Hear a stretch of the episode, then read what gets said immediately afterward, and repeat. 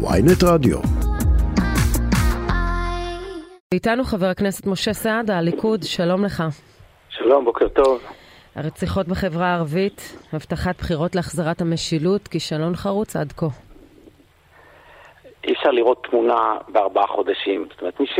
מי שמתעסק במערכת אכיפת החוק, יודע שזה תהליכים. תהליכים לוקחים זמן. לכן צריך, צריך לאפשר לשר, לשר ביטחון לאומי לעשות את התהליכים, להגביר את האכיפה. עכשיו, זה משולב בשני עניינים. אחד, אכיפה כלפי עבריינים. שתיים, נשקים.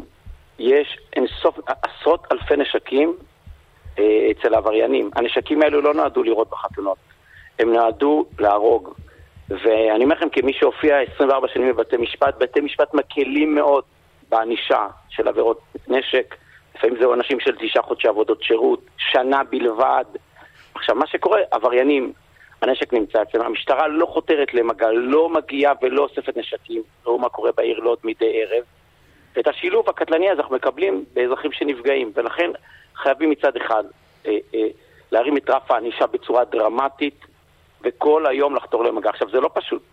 כל חתירה כזאת למגע יש לה מחירים, mm-hmm. ולצערי, לא, לא מעט שנים, משטרת ישראל, במיוחד בדרום, נמנעה מלעשות את זה. זאת אומרת, ההנחיות היו, מה זה לא מעט שנים? גם היום, גם היום אין באמת אה, מבצע ייבוש ביצה של אה, הנשק הבלתי חוקי בחברה הערבית או בכלל במדינת, במדינת ישראל, לא בצפון, לא בדרום, לא במרכז ולא ב, ביהודה ושומרון. אין. לא עושים מבצע כזה, לא שולחים את, ה, אה, את כוחות מג"ב לעבור בית בית ולעשות חיפוש ולרוקן אותו מנשק, כאשר כולם יודעים שכמעט בכל בית במגזר הערבי יש נשק בלתי חוקי. קודם כל צריך לעשות, אבל צריך להבין קודם כל מהיכן מגיע הנשק.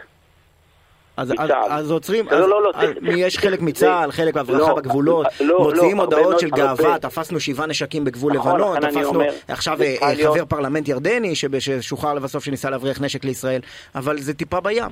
זה טיפה בים, זה שוליים. צריכים פשוט גם מול צה"ל להדק את העניין הזה שלא יברחו נשקים, גם מול מערכת המשפט, חייבת להיות אכיפה והחמרה משמעותית. צריך להבין מול בתי המשפט. גם כאשר אתה כבר מפענח תיק רצח, העדים מפחדים להגיע. בדרך כלל לא רוצים גם לבוא נכון, ועדיין, עדיין, בוא תסביר לי את הפער בין מה שקרה בשנה שעברה כשהופעל מסלול בטוח, בהובלת סגן השר סגלוביץ', אנחנו מדברים על פחות מחצי. כלומר, גם אם אנחנו נותנים זמן, כפי שאתה אומר, ויש מהלכים שמבוצעים, איך תסביר את הפער שבממשלה הקודמת היו פחות ממחצית הנרצחים? המשטרה זו אותה משטרה.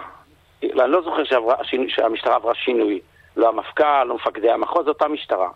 הפשיעה לצ... לצערי אה, אה, לא נבלמת כרגע, והיא ממשיכה. ככל שהיא ממשיכה היא מתעצמת. מתעצמת, לכן, כן, היא לא נבלמת. לכן אמרתי מתעצמת, לכן אנחנו כחברה... אבל אולי ההתמקדות שלו בממשלה, ב, לפחות במושב הראשון של הכנסת, הממשלה וה, והקואליציה, ההתמקדות בעניין הזה, ריצת האמוק על הרפורמה המשפטית, לשיטתך, והמהפכה אולי לשיטתי, אה, בעצם גזלה מכם משאבי ניהול, בוא, אנחנו יודעים מה, איך, מה זה management attention, אה, משאבי ניהול רק על העניין הזה, משאבים פוליטיים רק על העניין הזה. זמן, כאשר המדינה הזו לא נוהלה בחודשים האלה, ואלה התוצאות? אני חושב הפוך, כי הרפורמה המשפטית הייתה אמורה, ובעזרת השם זה יתבצע, כי רוב הציבור מבין את הצורך הזה, להרים את רף הענישה. רף, רף הענישה במדינה הוא נמוך, במיוחד בעבירות של שימוש בנשק. זאת אומרת, בן אדם יכול להשתמש בנשק, להסתובב עם נשק, עם כדור בקנה ולמצוא את עצמו בעונש של שנת מאסר. איך זה קשור? אפשר לקבוע עונשי מינימום. בחקיקה. נקבעו אגב לפני איזה חודשיים. עונשי מינימום על נשקים בלתי חוקיים. נו, אז איך זה קשור? קודם כל אנחנו עושים שני דברים, גם קובעים עונשי מינימום לעבירות אמל"ח, אבל הבעיה שאתה קובע עונשי מינימום זה תלוי בשופט. דבר שני, הסדרנו בחקיקה את היכולת לתפוס מצלמות אבטחה, כי מה שקורה, שנייה אחרי האירוע, התושבים עצמם לוקחים את המצלמות אבטחה, ואין להם, וקשה להשיג עדויות. מצוין. אנחנו עושים גם את זה וגם את זה. עכשיו, ככל שבחירת השופטים תהיה תלויה בין היתר בחברי הכנסת, בפוליטיקאים, באנשי, בנבחרי הציבור, הם יראו את הציבור. זה אומר שהם רואים את הציבור, הם יחמירו את רף הענישה. היום רף הענישה במדינת ישראל הוא נמוך מאוד. השופטים שיושבים היום לא אני, לא רואים את הצרכים של הציבור? הם רואים יותר את השיח ואת הזכויות של הנאשם. המרכז לנפגעי תקיפה מינית פנה אליי כדי שאני אגיש יחד איתם, ואני מגיש את זה השבוע, חוק להרמת רף הענישה אחרי שקבעו עונשי מינימום בעבירות מין. והם אמרו לי, משה, בית משפט, למרות שנקבע רף מינימום, הוא לא מבצע את זה. הוא ככה, הוא מתחכם ולא מבצע את זה. עכשיו מדובר בעבירות מין. שאין סיבה להקל. אז קודם כל, אני, אני, אני עוד לא מכירה את הצעת החוק רוב... הזו, אבל אני בהחלט תומכת אני, בזה בהחמרה. אני... אני תומכת לחלוטין בהחמרת ענישה על עברייני מין. אנחנו, אנחנו אה, רואים עם השנים את הצורך ואת המודעות. נכון, אחרי שת... אבל, ועם זאת, אין לזה קשר לפוליטיקה. ממש לא, אין לזה קשר. קשר. מינוי פוליטי קשר. לא מבטיח שיהיו אנשים יותר כבדים. אני אסביר לך. אני לא מצליחה להבין ברגע, את הקשר. אני, אני אסביר לך. ברגע, ברגע שהשופטים, במקום להסתכל כלפי מעלה אל בית משפט עליון, יסתכלו כלפי הציבור, ויסתכלו לציבור בעיניים, ויבינו את הצורך שלהם באמת אה, אה, להרים את רף הענישה כדי לסייע לפרקליטות, למערכת אכיפת החוק, להגן על הציבור, צריך להבין, זה הכל משולב. אם, אם המשטרה תפעל ויגישו כתבי אישום ובית משפט ייתן ענישה מקלה, זה לא רק שלא לא יפחית, זה יעצים את האלימות. ולצערי, זה מה שקורה, תעקבו אחרי העונשים בבתי משפט. אם ילדה ש, שנאנסת במיטתה, הבדואי שאנס אותה מקבל כן, אבל אתה ודאי יודע שכאשר מדובר בקטין, לא, אבל... לא, לא, לא, זה לא מדובר חבר הכנסת סעדה, אתה יודע מה האמנות לא, הבינלאומיות שקשורות... במקרה של הילדה? כן, זה קטין. מדובר בבחור בן 17. זה, זה נתפס, זה קטין, בחור בן 17 שהאישה כן? לגביו היא רגילה, בית משפט נימק ואת צודקת, כדי לאפשר לו בעתיד גם לרכוש השכלה. אם לפני שבועיים בית משפט שוקל שחרור ממעצר של אנס בטענה שהאירוע הוא לא מספיק אלים, זה לא אלימות משמעותית, מדובר על עונש של חצי שעה. בית משפט העליון, שופט קובע שזה לא אלים משמעותית. אני לא מכיר דבר כזה. יכול להיות שבחלק מהמקרים יש ענישה מקלה מדי, ואני מסכימה איתך, רק אני לא מצליחה לקשור את זה לנושא מינוי פוליטי. אין לי, אני לא, לא הצלחת לשכנע אותי. אני גם רוצה להגיד לך שכנראה תצטרך להיפרד מהמינויים הפוליטיים, כי הדבר הזה לא יעבור בשום פשרה. הנושא של מינויים פוליטיים?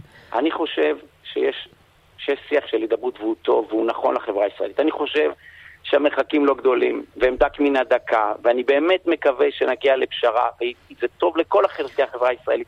וזה נכון שיש שילוב מצד אחד של הגוף הבוחר, ויהיו בו גם, גם אנשים פוליטיים שמייצגים את נבחרי הציבור, כי בסופו של יום זה יביא את השופטים לראות את הציבור. והציבור רוצה ענישה מחמירה. הציבור בסקרים לא אומר שזה... חבר הכנסת משה סעדה, לא בואו ננסה להתקדם אה, למאורעות היום. 12 מיליארד שקלים יחולקו במה שמכונה הכספים הקואליציוניים. אה, מה מכל התקציבים אה, הוא דרישה שלך? קודם כל, אני לא, לא דרשתי תקציב, אני דרשתי חוקים. אמרתי, רמת רף הענישה בעבירות מין, זה, זה הדרישות שלי, שום דבר לא דרישה שלי. יש פה 12 מיליארד, אני מזכיר חלק מהדברים. יש שינוי גדול בתקציב במעונות של אה, מעונות היום. לזוגות צעירים זו בשורה ענקית. רגע, רגע, אבל חכה, לא חכה לפני... לא, אני אומר את הבשורה בתקציב. לא, אתה יכול לזכור את כל הרפורמות שאתם מעבירים אחת-אחת, אבל בוא נתייחס רגע לכספים הקואליציוניים. 12 מיליארד זה סכום חסר תקדים. אני יכולה לתת לכם כמה דוגמאות. חצי מיליארד שקלים משרד מסורת, חצי מיליארד שקלים רשות לקידום המגזר החרדי, 60 מיליון שקלים אה, בניית פנימיות ביהודה ושומרון, וגם דברים קטנים כמו אה, ככה 6 מיליון שקלים ייעוץ לטהרת המשפחה, 4 מיליון שקלים לקידום המשפט העברי, אה, כסף קטן, 2 מיליון שקלים לוועד המקומי בחברון. שלושה מיליון שקלים לקברי אבות, אה, ארבעה מיליון שקלים להנהלת מורשת הרב דרוקמן, עוד ועוד ועוד, 285 מיליון שקלים לרשות לזהות יהודית. יורשה לי לענות גם? כן, נתתי דוגמאות. אז קודם כל, דיברת על חיזוק יהודה ושומרון, זה דבר מבורך. מורשת הרב דרוקמן, שהקים פה באמת גם את מפעל ההתיישבות, את מפעל הישיבות, את ישיבות ההסדר, זה דבר מבורך, כי זה לחינוך לערכים ומצוינות, וציונות ולאומיות, וזה דבר מבורך. כן, יש, יש בשורה בתקציב גם בעניין של העברת כספים לחיזוק הזהות היהודית, זה הדבר הכי נכון. אני חושב שהממשלה הקודמת, מהבחירה שלה, העבירה המון כספים, מדובר על 30 מיליארד בתוכנית חומש, עברו בשנה אחת 4 מיליארד, 4 מיליארד לזהות, חיזוק הזהות הערבית, מתוכם עבאס קיבל לעצמו, אה, קיבל לעצמו חצי מיליארד, סכום ללא, ללא כתובת, סכום חצי מיליארד שהוא בוחר לבזבוזים. לבזבוזים? אז אני מעדיף שבמקום, לח... כפשוטו, חצי מיליארד ללא פרויקט, ללא פרויקט. אז אנחנו מעדיף, אני מעדיף, אתה מבין שהסיפור הזה, אי אפשר להתווכח על איך נוהל התקציב בממשלה הקודמת, כי נותרו יתרות וסגרו גירעון. אנחנו מדברים על כנראה קיצוץ רוחבי. חלוקה שהוא קיבל חצי מיליארד? יש מחלוקת אני לא יודעת אם זה לא, אני לא יכולה להתווכח איתך משום שאני לא יודעת ש, שזה כסף לבזבוזים, אז, אז לכן אני לא, אני, אני יודע. אני יודעת שהייתה הזנחה ארוכת שנים של המגזר הערבי, ו, וכולם הסכימו, דרך אגב, תוכנית, תוכנית חומש שגם, ש, שהוצגה בתקופתו של נתניהו הקודמת, שמדברת על באמת השקעה בתשתיות וחינוך, היא התחילה בכלל בתקופת נתניהו. נכון, אבל...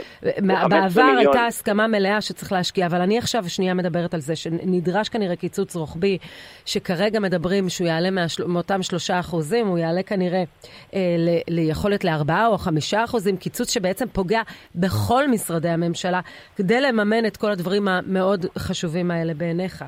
אנחנו בכל זאת מדברים על תקציב של 513 מיליארד שקלים בשנה, תקציב גדול משמעותית, צריך להביא אותו מאיפשהו.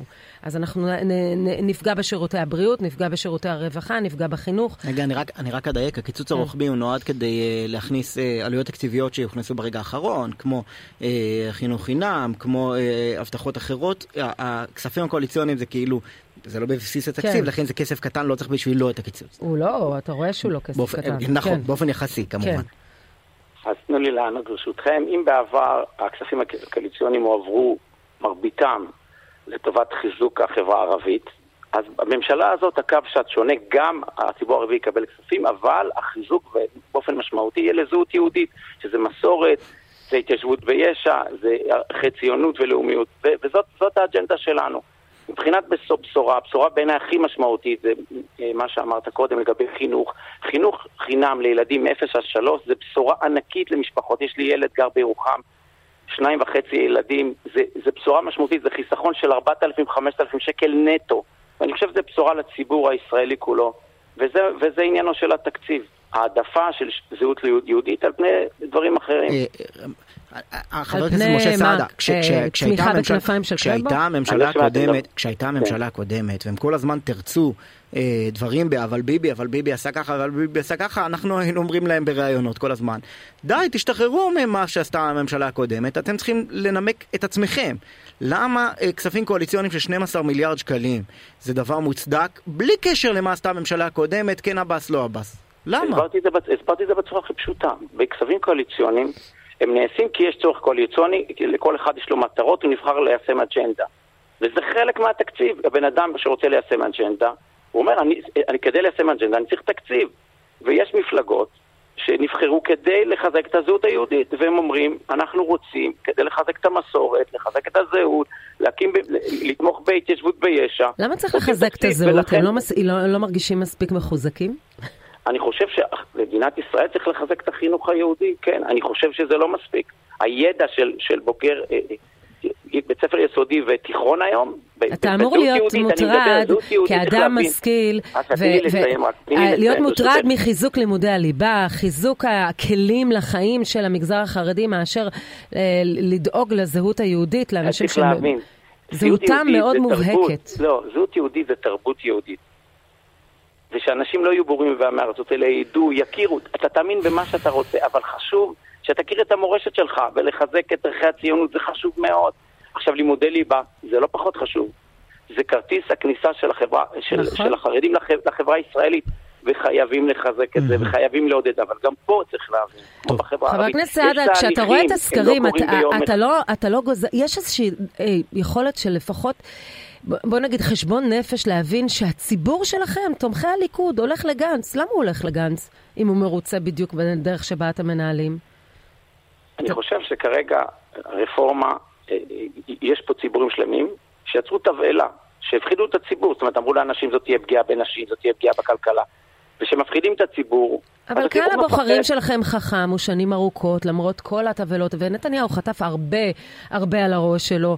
מאמין במנהיגותו, מאמין בליכוד, זה לא משתקף מהסקרים עכשיו. הם כועסים על משהו, הציבור הזה. אז, הציבור אז... הזה כועס, ו- ואולי כדאי גם לשים לב לזה ולא להתעלם מזה ולהמשיך בדרך. אז קודם כל, לא התעלמנו, ואנחנו, כפי שאמרנו, אנחנו פנינו לפשרה. ובפשרה צריך להגיע לעמק השווה וכל צד צריך לוותר, וכשאני אומר צריך לוותר, זה אומר שאנחנו מעוניינים לוותר, כי אין לנו ארץ אחרת. ואנחנו, וחשוב לנו, חשוב לנו לנהל שיח. ואמרתי, אני, מבחינתי הפערים הם דק מן הדקה, ואם השיח היה אקדמי, לדעתי אפשר להגיע בנקל, להגיע לעמק השווה. ואני מקווה שהצדדים יבואו בידיים נקיות, ויושיטו יד אחד, אחד לשני, ונגיע לפשרה טובה לכל עם ישראל, כי לכולם ברור שחייבים רפורמה בצורה כזו או אחרת, אין מחלוקת. משפט היום הוא לא יעיל, הוא יוצר עינוי דין, הענישה היא מקלה, ואין על זה מחלוקת. וצריך לייצר רפורמה מקיפה. אבל, אבל מה, מה נסדק פה, למיטב פרשנותך? למה הימין מרכז נוטש את הליכוד? וזה נשמר יציב כבר שבועות ארוכים. אני אומר, זה, זה מה שאנחנו רואים כרגע, אתה יודע, אני, אני ראיתי סקרים, אני לא הייתי פוליטיקאי. לא, לפני הייתי... שלושה שבועות אמרו לנו אני... זה כרגע, זה עוד שנייה ישתנה, זה מה שהוא הגיע. ואז אני, אתמול בערב היה שוב סקר, עדיין הקואליציה על 52. אני אזכיר לכם את הסקרים שהיו, כצופה מן הצד, לא הייתי בפוליטיקה, אני זוכר ששר היה 26 מנדטים, בנט 23, זה, זה מה שאני זוכר מהסקרים, זה לא היה מזמן, הזיכרון שלנו, הזיכרון שלנו טוב, לכן זה סקרים לרגע. אני חושב, אני חושב שברגע הם מבטאים איזה סנטימנט מסוים. אז אני אומר, ברגע שנגיע לפשרה, סביב הרפורמה המשפטית, שכולם מבינים שחייבים רפורמה, אין מחלוקת, ונגיע לפשרה שהיא טובה לחברה הישראלית, אנחנו נראה את הסקרים חוזרים למה שהם היו. תצטרכו לשרוד קודם את הסכסוך עם בן גביר. תצטרכו, תצטרכו לשרוד קודם את הסכסוך עם בן גביר, כרגע אין לכם אה, אותו בדיונים. אין לך מה להיות מודאגת, שלא תתאכזבי בסוף, כי הממשלה לא תיפול, יש תקציב דו-שנתי, לממשלה הזאת יש דרך ארוכה, אידיאולוגיה, יש אידיאולוגיה, הממשלה הזאת עם אידיאולוגיה חזקה של כל המרכיבים שלה, היא ממשלת ימין על מלא, יש לה עוד דרך ארוכה, והיא נועה תנוע בעזרת חבר הכנסת משה סעדה, מהליכוד, תודה רבה.